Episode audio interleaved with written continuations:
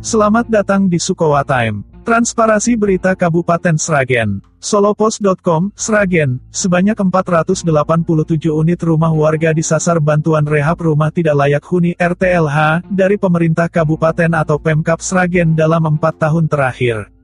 Informasi yang dihimpun solopos.com dari Unit Pelayanan Terpadu Penanggulangan Kemiskinan UPTPK, Sragen, Kamis, tanggal 26 November tahun 2020, sebanyak 487 unit rumah itu disasar program RTLH sejak 2017.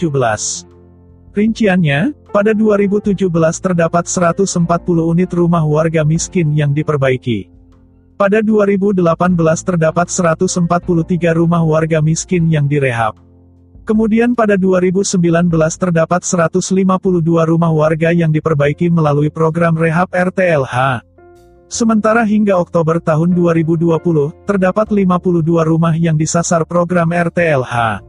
Jumlah rumah yang diperbaiki pada 2020 masih bisa bertambah hingga akhir tahun. Terhitung sejak 2018, total dana yang disalurkan untuk program RTLH mencapai sekitar 1,6 miliar rupiah.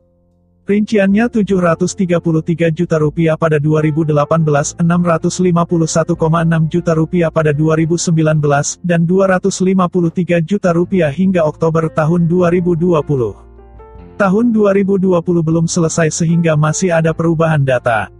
Anggaran untuk rehab tiap rumah warga berbeda-beda. Kalau belum punya fasilitas MCK, mandi cuci kakus, biasanya kami tambah 1 juta rupiah supaya fasilitas itu bisa dibangun. Kalau sudah ada MCK, nilai rehab rumah 5 juta rupiah, papar Kepala UPTPK Sragen, Nunuk Sri Rejeki, saat ditemui solopos.com di kantornya.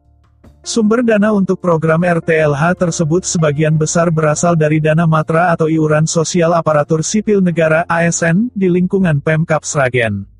Sebagian dana bersumber dari Badan Amil Zakat Nasional, Basnas, Sragen.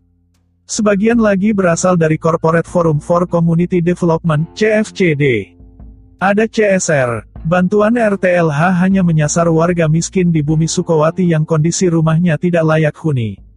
Namun, RTLH juga menyasar warga yang rumahnya roboh atau rusak setelah terjadi bencana seperti kebakaran, tanah longsor, banjir maupun angin puting beliung.